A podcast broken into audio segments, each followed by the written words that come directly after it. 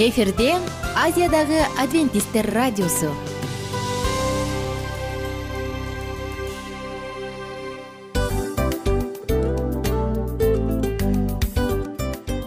Достор салют. Баардык сүйүктүү угармандарыбызга салам айтабыз. Кутман күнүңүздөр менен. Ден соолук өмүрдүн булагы демекчи саламат саамы программасында баарыңыздарды көргөнүбүзгө абдан кубанычтабыз. Анда алгач амандашып өтөлү арбаңыздар деп. Ден соолугуңуздар кандай элибизде көбүнчө ден соолук кандай дегенде эле жакшы деп жооп беребиз э? ооруп турсак дагы жакшы дейбиз. Анан мен муну айтып ойлойт элем бул абдан сонун сөз депчи анткени бул жакшы деген үмүт да э баары жакшы болот. Баары сонун. Деп үмүттөнүп атып эле өзүбүздү өзүбүз дарылап коебуз. Анысы кандай? Сиздин дагы ден соолугуңуз жакшы беш деген үмүттөбүз чындыгында ден соолук бул өмүрдүн булагы деп бекеринен айтылган эмес деп ойлойм. Кыргыз элинде анткени эгерде ден соолук жок болсо анда адамдын жашоосунда калган баардык керектүү маңыздуу нерселер өзүнүн баалуулугун жоготуп коет. Ошондуктан ден соолук бул эң керектүү нерсе. Ооба туура айтасың кесиптешим. Чынында ден соолугуң жок бир эки үч күн ооруп калсаң эле кандай болуп калат? Жашоодо көз каранды болуп каласың көп нерсеге жетишпей каласың көп нерсени кыла албай каласың. Жада калса эшикке дүкөнгө да чыга албай каласың. Туптуура анан ден соолук болсо демек биз биздин бактыбыз тоодой деп койсок болот. Анда достор саламат саамы рубрикабызды баштайлы. Алдыда өзүңүзгө керектүү болгон сонун кеңештерди уга аласыздар. Мына ошондуктан биз менен бирге болуңуздар. Ал эми биз болсо милан жана айнура. Кеттик алга. Алга саламат саама ден соолуктун жарчысы. Саламат саама ден соолуктун ачкычы. Күн сайын сиз үчүн мыкты кеңештер сонун жаңылыктар кызыктуу фактылар биздин рубрикада.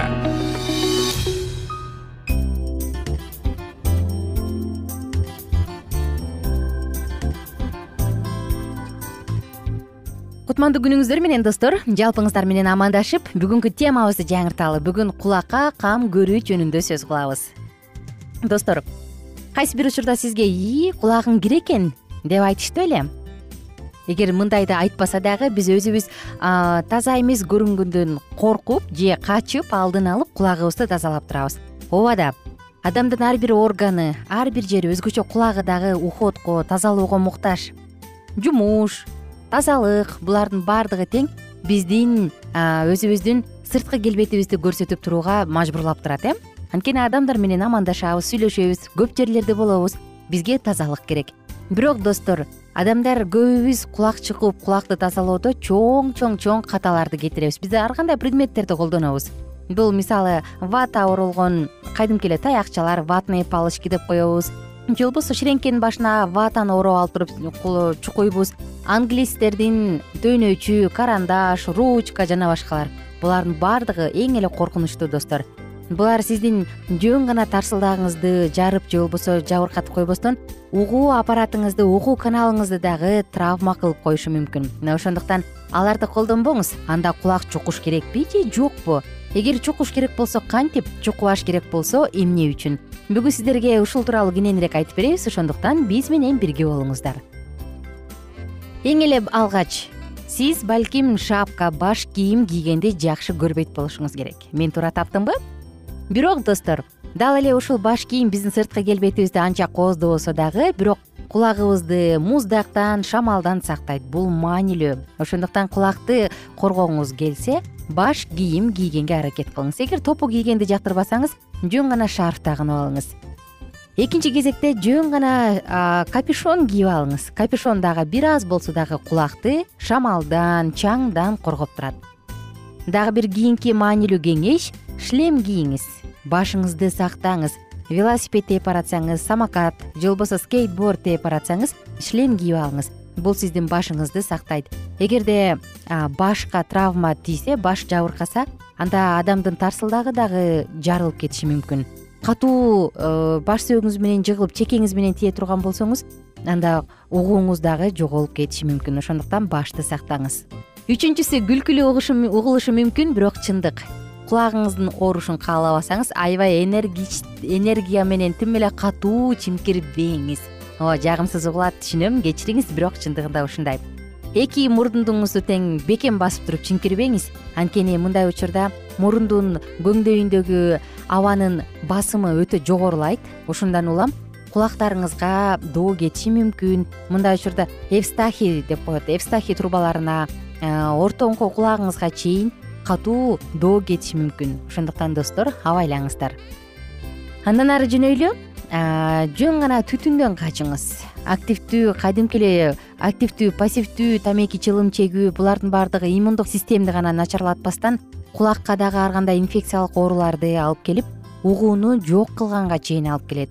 Элестетип көрүңүз ослодагы университеттердин биринде эки миң беш жүз кырк тогуз адам катышкан изилдөөдө мындай дешкен кайсы баланын ата энеси тамеки чексе аларда респираторлук инфекциялык оорулар көбүрөөк өзгөчө атит отит деп коет эмеспи атит оорусу өтө көп кеңири кездешерин дагы айтышкан. Мүмкүн болсо кадимки эле түтүн оттун мештин жанынан алысыраак болгонуңуз жакшы. Аволова иле ифе деп аталган университеттин окумуштуулары мындай дешкен. Дайыма үйдө түтүн жыттанып турган адамдарда дейт. Ал жакта кулак оорулары өтө көп кездешерин дагы айтышкан. Кош бойлуу кезде эч качан тамеки чекпеңиз. Анткени тамекинин түтүнү балага курсакта түйүлдүктө жаткан балага чейин зыян келтирет. сегиз миң беш жүз элүү алты адам катышкан аял дейинчи катышкан изилдөөдө алардын балдары эгерде апасы чылым чексе үч жарым эсе көбүрөөк ооруга чалдыгары дагы далилденген мына достор ушундай эми болсо кулкуну тазалаш керекпи же жокпу ушул жөнүндө сөз кылалы? Куку биз мурунку уктурууларыбыздын биринде айтып өткөнбүз бул куку бездери атайын бөлүп чыгаруучу нерсе деп э? Бул демек кадимки табияттын көрүнүшү. Кулку бизде эмне кылат? Ал эң эле чоң функцияларды аткарат. Ал сууну ар кандай чаңдарды ары карай түртөт дагы биздин кулактарыбызды сактайт. Мунун негизинде кулагыбыз бактериялардан суук тийүүдөн өзүн коргоп турат анда кулакты чукуш керекпи же жокпу? Ооба чукуш керек. Болгону гана биз чайнап жатканда башыбызды ары бери кыймылдатканда кулкунун ашыктары кулагыбыздын сырткы жагына чыгып калат. Ошолорду гана бир аз жүз арчынын четин суулап алып туруп анан чукуп алып койгон туура. Эч качан дагы бир жолу айталы вата оролгон таякчалар менен ширеңке менен чукпаңыз кукуну ары карай киргизип саласыз. Ары карай киргизип салсаңыз тарсылдагыңыз жабыркайт. Сиз акырындык менен укпай калышыңыз мүмкүн кичинекей балдар э өзгөчө ширеңке көрсө же вата оролгон таякчаларды көрсө кулагына тыгып калат эмеспи аларды айтыш керек да андай кылбагыла деп үйрөтүп. Достор убактыбыз аз мен болсо айта турган маалыматтарым абдан көп. Эми кулак жөнүндө айталы эгерде кулагыңыз ооруп жатса кулагыңыз укпай баштаса же болбосо ал жерден ириң же кан бөлүнүп чыгып жатса шашылыш түрдө доктурга кайрылыңыз. Бул олуттуу оорунун симптому болуп калышы мүмкүн бассейнге түшкөндө сууга түшкөндө көлгө түшкөндө сөзсүз түрдө башты мынтип ылдый ылдый карай ийип алып силкип катуу катуу секирип коюңуз. Кулагыңыздын ичине кирген баардык суу чыксын. Жана дагы кулак тазалоо жөнүндө кадимки эле лимондун ширеси же болбосо аптекадан атайын каражаттарды алып алып туруп анан гана кулакты чукуңуз кулакты тазалаңыз бирок ашыкча эмес. Кулактын ичинде кокулар керек. Тазалыкты сүйгөн айымдарга жана мырзаларга эскертүү болду окшойт. Көпчүлүк аталарингологдордун катасы ушундай э? Алардын каталарын кайталабаңыз. Андан көрө өзүңүздүн саламаттыгыңызга туура кам көрүп өзүңүздү сүйүп өзүңүздү барктап жашай бериңиз. Достор бүгүн сиздер менен бирге кулакка кам көрүүнүн биринчи бөлүгүн гана сөз кылдык. Эмкиде кийинки уктурууда дагы кененирээк айтып бергенге аракет кылабыз. Мына ошондуктан биз менен бирге болуңуздар. Жалпыңыздарга көңүлдүү күн беш деген маанай бар болуңуздар бай болуңуздар. Дайым биздин уктурууларды угуңуз алдыда дагы сонун маалыматтар сиздер үчүн гана жаңырат. Кайрадан амандашканча. Саламат саама ден соолуктун жарчысы. Саламат саама ден соолуктун ачкычы. Күн сайын сиз үчүн мыкты кеңештер сонун жаңылыктар кызыктуу фактылар биздин рубрикада. Салют замандаштар баарыңыздарга ысык салам дил маек программабызга кош келиңиздер. Дил маек рубрикасы дегенде эле бул эмне болгон дил маек? Ким менен маектешебиз деп сурайт болуш керек угармандарыбыз. Бул рубриканы кыскача тааныштыра кете турган болсок ар тарап кесип ээлеринен болгон сонун интервью кеңештер бар. Ооба. Жылдыздар менен болгон маек бар. Аталарыбыздын агаларыбыздын чоң аталарыбыздан сонун кеңештер бар. Ошондой эле эже сиңдилердин кеңештери бар. Айтор баардык кызыктардын баары алдыда негизи эле адам баласы бир кимдир бирөөнө ишенип сырын ачкысы келет эмеспи э мындай баарлашууга жакын келебиз го. Албетте. Негизи бир жерге отуруп алып кенен шашпай баягы жүрөктөн жүрөккө ачып сырларыбызды ар кандай көйгөйлөрүбүз менен бөлүшүп баягы чын жүрөктөн маек курганды кимибиз сүйбөйбүз э? Ооба десең ал нерсеге суусап да келебиз да. Ооба кээ бирде адамга чындыгында баягы э, ысык маек баягы жылуу маек жетишпейт да ошондуктан биз ушул рубриканы ойлоп тапканыбызда эң биринчи эле достор сиздер менен чын жүрөктөн бир маңыздуу темаларды козгоп кеткени э, кааладык. Ошондуктан ушундай сонун бир рубриканы тартуулап жатабыз. Анын үстүнө радио дагы сонун дос да анткени э, мындай учурда досуңа айтсаң досуң досуна айтат досу досуна айтат да анан бүт өлкө билип калышы мүмкүн го. А радио болсо сени сатпаган сенин айыбыңды ачпаган. Сенин сырыңды эч кимге айтпаган сонун досмын ошондуктан биздин алдыдагы айта турган кеңештерибизди биздин досторубуздун кеңештерин угуп анан ал жака пикириңизди дагы калтырып кайрадан биз менен байланышсаңыздар болот. Деги эле жашооңузга эгерде кичине болсо дагы өзгөрүү алып моралдык жактан нравовик жактан сонун бир кеңештерди алсаңыз демек биз максатыбызга жеттик. Ооба.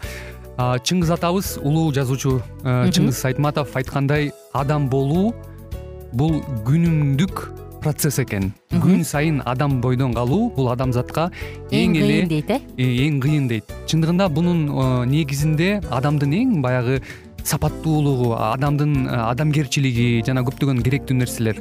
Мына ошол темалар дагы бизде э, ушул дил маекте биз аларды да козгойбуз. Э, ден соолук жөнүндө да сүйлөшөбүз. Сөзсүз түрдө анан милан мырза негизи айтып коюшат го. Биз көбүнчө эмнени ойлонсок ошол нерсеге карата иш кылабыз го. Ооба. Анан анысы кандай? Балким бул радио баракчада кимдир бирөөнүн оюн текшергенге жардам берет кимдир бирөөнүн жүрөгүн текшергенге жардам берет. Балким кимдир бирөөгө жашоонун маңызын тапканга жардам берет айтор кызыктын баары алдыда бул жөн гана кыскача жарнама анда угармандарыбыздын баардыгын кийинки рубрикабызга чакырабыз. Ал эми кызматта маңдайымда отурган кесиптешим милан жана мен айнура. Анда эмесе биз даярдаган терең терең ойлор менен таанышууга кеттик. Алыс алыс баралык. Анда эмесе достор биз менен бирге болуңуздар. Алдыда эң кызыктуу маалыматтардын баардыгы бир нече мүнөттөр бою жалгыз гана сизге арналат. Мына ошондуктан жакшы маанай менен угууну каалайбыз. Үн алышканча. Жөнөдүк. Ар түрдүү ардактуу кесип ээлеринен алтын сөздөр жүрөк ачышкан сыр чачышкан сонун маек дил маек рубрикасында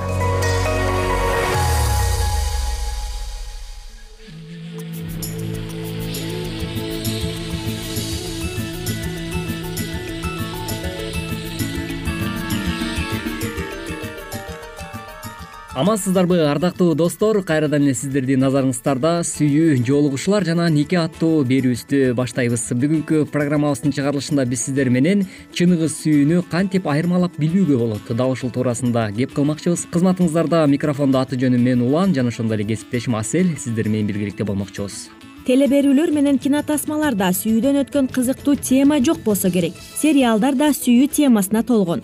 Көпчүлүк ырлар дагы сүйүү жөнүндө. Бизде сүйүү болбосо бул жашоонун кызыгы жок деген ой туулат.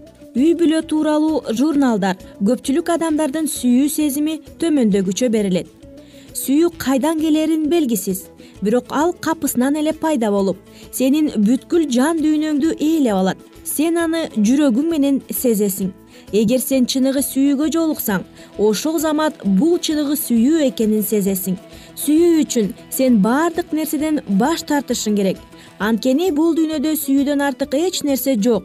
Эркек сүйүү үчүн аялын таштап аялы өз үй бүлөсүнөн баш тартып падыша таагынан айрылса болот.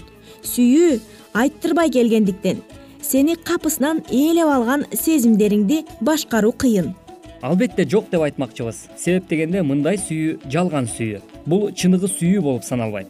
Чыныгы сүйүү таптакыр башкача болот. Кызыгуу бул чын эле бир заматта пайда болуп сен өзүңдү өзүң башкара албай каласың. Бирок чыныгы сүйүү болсо ишенимдүү жана өз кызыкчылыгын ойлобойт. Ошондуктан ал бекем негизде турат. Мына ошентип биз чыныгы сүйүү кандай экенин айырмалап билсек болот сүйүү менен кызыгуунун айырмасын билүү үчүн мынчалык маанилүү экенин сени таң калтырып жатабы. Мунун себеби төмөндөгүдөй. Бул сага жашоодогу эң чоң каталарды кетирбешиңе жардам берет. Жыл сайын миллиондогон жаштар жайнаган көздөрү менен бакыт үйүнө келишип бири бирибизди түбөлүк сүйөбүз деп убада беришет. Кээ бирөө үчүн нике чын эле бактылуу нерсе? Башкалар болсо үйлөнгөндөн кийин бири бирине эптеп эле чыдап калышат. Жаштардын теңинен көбү үйлөнгөндөн кийин өздөрүн бактысыз сезишип арадан бир аз убакыт өткөндөн кийин чогуу жашагылары келбей калышат. Аларга эмне болду? Себеби кээ бир жаштар чыныгы сүйүүнүн негизинде үй бүлө курушат кээ бирөөлөр чыныгы сүйүү эмес кызыгуунун негизинде гана үй бүлө куруп калышат. Мындай нике көпкө туруштук бербейт. Ошондой эле чыныгы сүйүү менен чыныгы сүйүү эмести кантип айырмалап билүүгө болот? Бул туурасында дагы айтып кетпесек болбос америкадан алтын чыгара баштаган мезгилде эми аябай байыйбыз деп көптөрү ойлонушкан. Ал адамдар өздөрүн бактылуу сезишкен. Тилекке каршы алар алтындын ордуна башка баасыз эле нерсени казып алып жатышкандыктан билишкен эмес. Бул пирит деген алтынга окшош нерсе болчу. Аны акылсыздардын алтыны деп да коюшат экен. Биз жогоруда айтып кеткенибиздей кызыгуу менен чыныгы сүйүүнүн айырмасын билүү оңой эмес сенин сезимдериң чыныгы сүйүүбү? Же жөн эле жактыруу экенин так айырмалап билүү үчүн секс сүйүү кызыгуу булардын кандай айырмасы бар? Деген китепте берилген кеңештерди карап көрөлү. Анда эмесе биринчи бүтүмдү карап көрсөк. Сени деги эле эмне өзүнө тартып турат? Кимдир бирөөгө кызыгып калсаң сен анын сулуулугуна көбүрөөк маани бересиң. Адамдын сулуулугу башкаларды өзүнө тартып турат.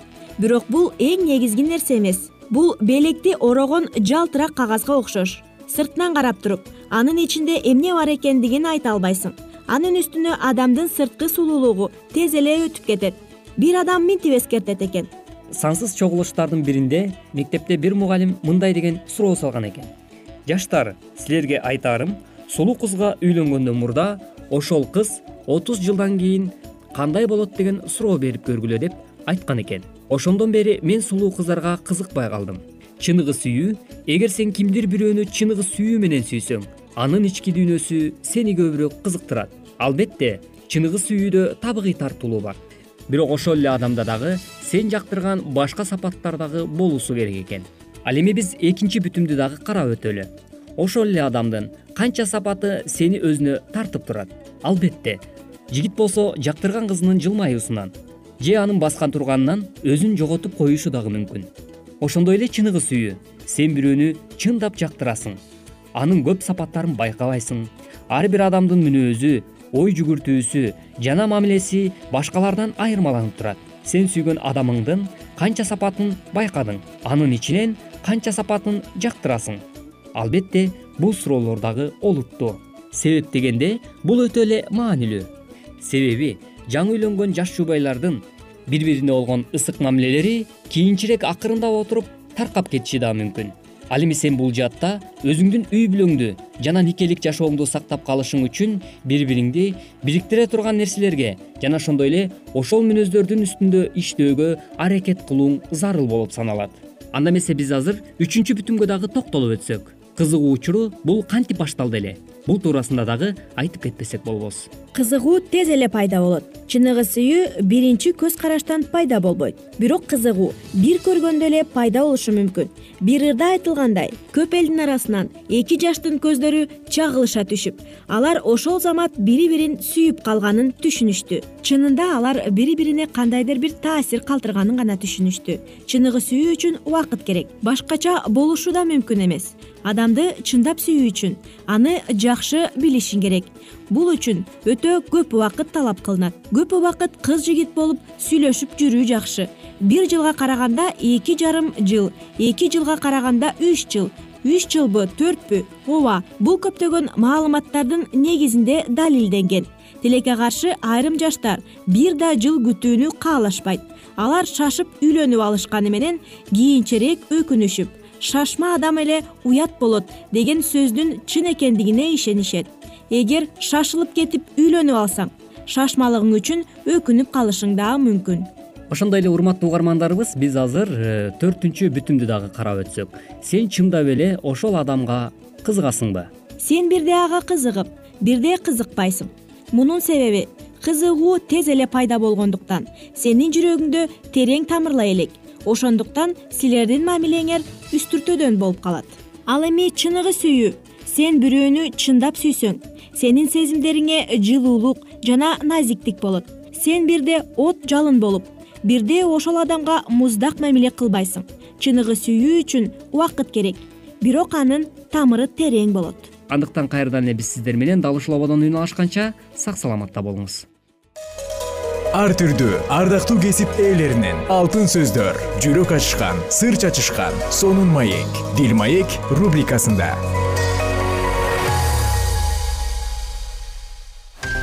жан дүйнөңдү байыткан жүрөгүңдү азыктанткан жашооңо маңыз тартуулаган жан азык рубрикасы.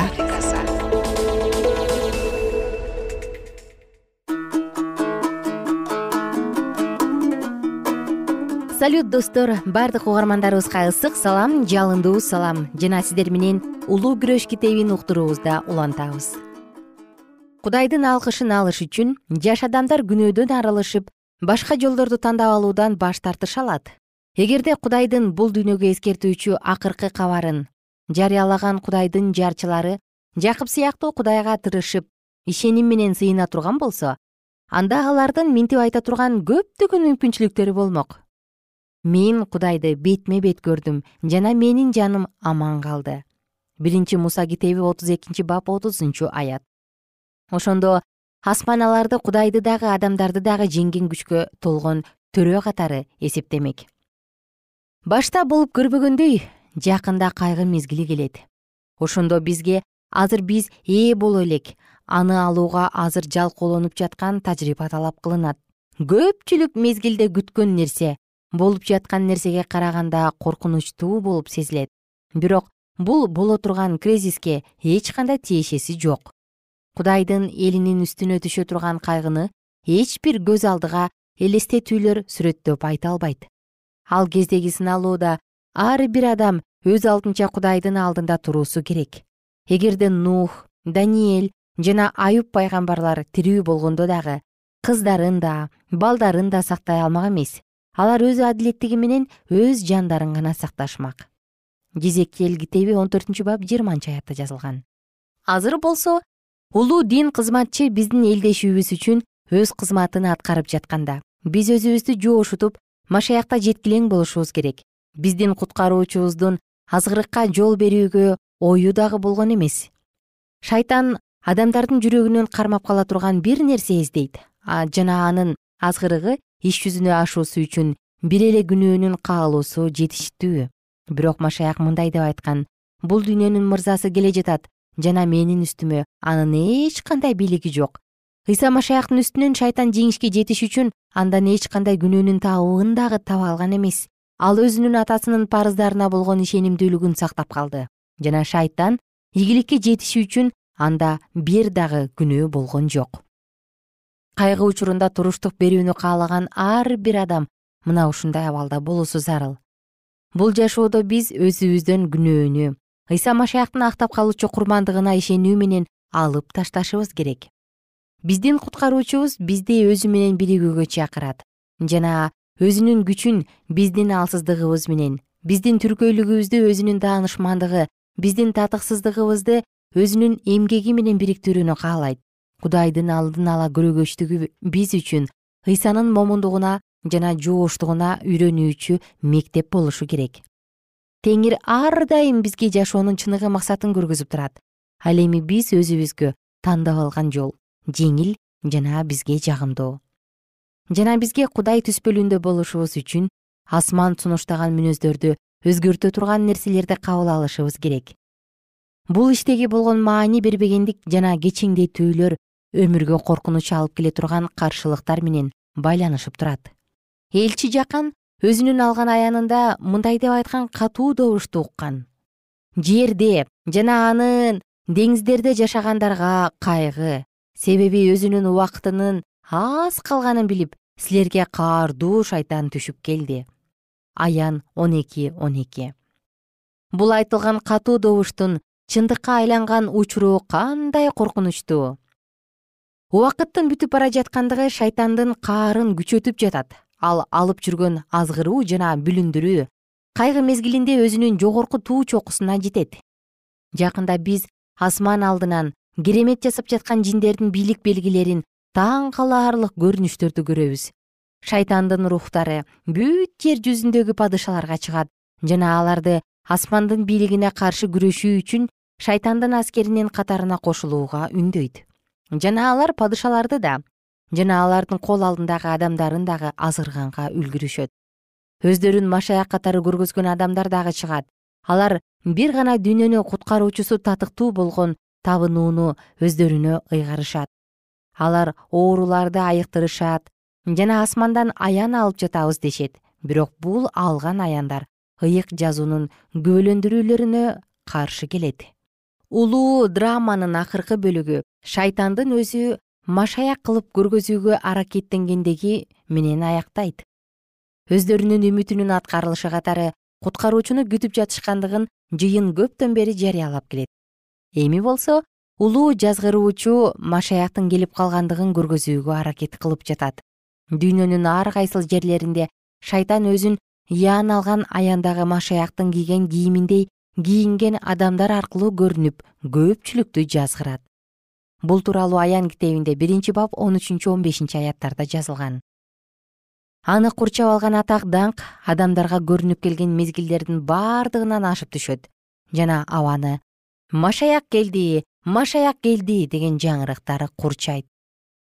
Жана улуу кубанычка батуу менен адамдар анын алдында табынышат жерде жүргөн кезинде машаяк элдерди алкыштаган сыяктанып ал дагы колун көтөрүп адамдарга бата бере баштайт анын үнү жумшак мукамдуу жана музыка сыяктуу жагымдуу.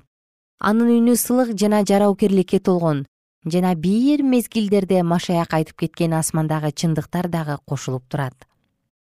Ал адамдардын ооруларын айыктырып жана машаякты туураган сыяктанып ишембини жекшембиге алмаштырып койгондугун айтат жана ал аркылуу алкыштанган күндү ыйык тутуусун адамдардан талап кылат жана ким жетинчи күн ишембини ыйык тутууну уланта бере турган болсо кудайга акарат келтирип аларга жарык жана чындык алып келип жаткан периштелерди уккула келбей жаткандыгын жарыялайт.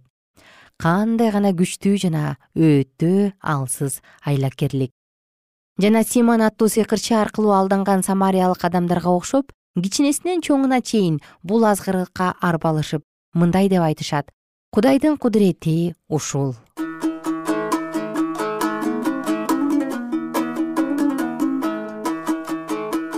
достор окуябызды дал ушул кызыктуу жерден улантабыз. Кийинки уктурууда жалпыңыздарды күтөбүз жана ал жалган экенин адамдар кайсы белгилерден улам билерин биз менен бирге окуңуз жана улантыңыз. Күнүңүздөр көңүлдүү улансын аман болуңуздар.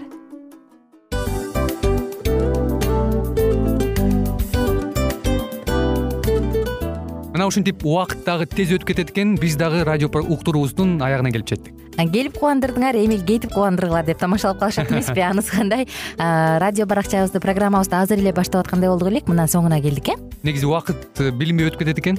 Мен дагы э, убакыт дегенде бүгүн бир адам менен сүйлөшүп калдым. Анан убакыт бул мүмкүнчүлүк деп айтып өзүмө өзүм айтып алып анан мага өзүмө эле кайра ачылыш болду да чын эле. Э, карап отурсаң ошол эле жыйырма төрт саат ошол эле жарым саат кайталанып атат. Бирок сендеги мүмкүнчүлүк жок ошол кой берилип кетти? Анысы кандай? Бүгүнкү сонун убактыңызды алтындай болгон жарым саатыңызды бизге бөлүп арнаганыңыз үчүн ыраазычылык айтабыз. Анан жашооңуздун кайсы бир сферасын өзгөртө турган сонун пайдалуу кеңеш алган болсоңуз анда биз максатыбызга жеттик. Анан ушул нерсени кылбасам десеңиз ошол өзгөрүүлөрдү кичинекей кадамдардан баштап иш жүзүнө ашырыңыз дагы жашооңузда чоң чоң ийгиликтерге жетиңиздер чын жүрөктөн ар бир берилген кеңештер сөздөр сиздерге пайдасын алып келет деп ишенебиз. Жана кийинки уктурууларда сөзсүз түрдө чыдамсыздык менен сиздерди күтөбүз. Сагынычтуу салам айтып кайрадан дал ушул жыштыктан баардыгыңыздарды тосуп алганча кызматта мен айнура жана кесиптешим милан анда кол булгалайбыз жалпыңыздарга ийгиликтүү күн. Саламатта калыңыздар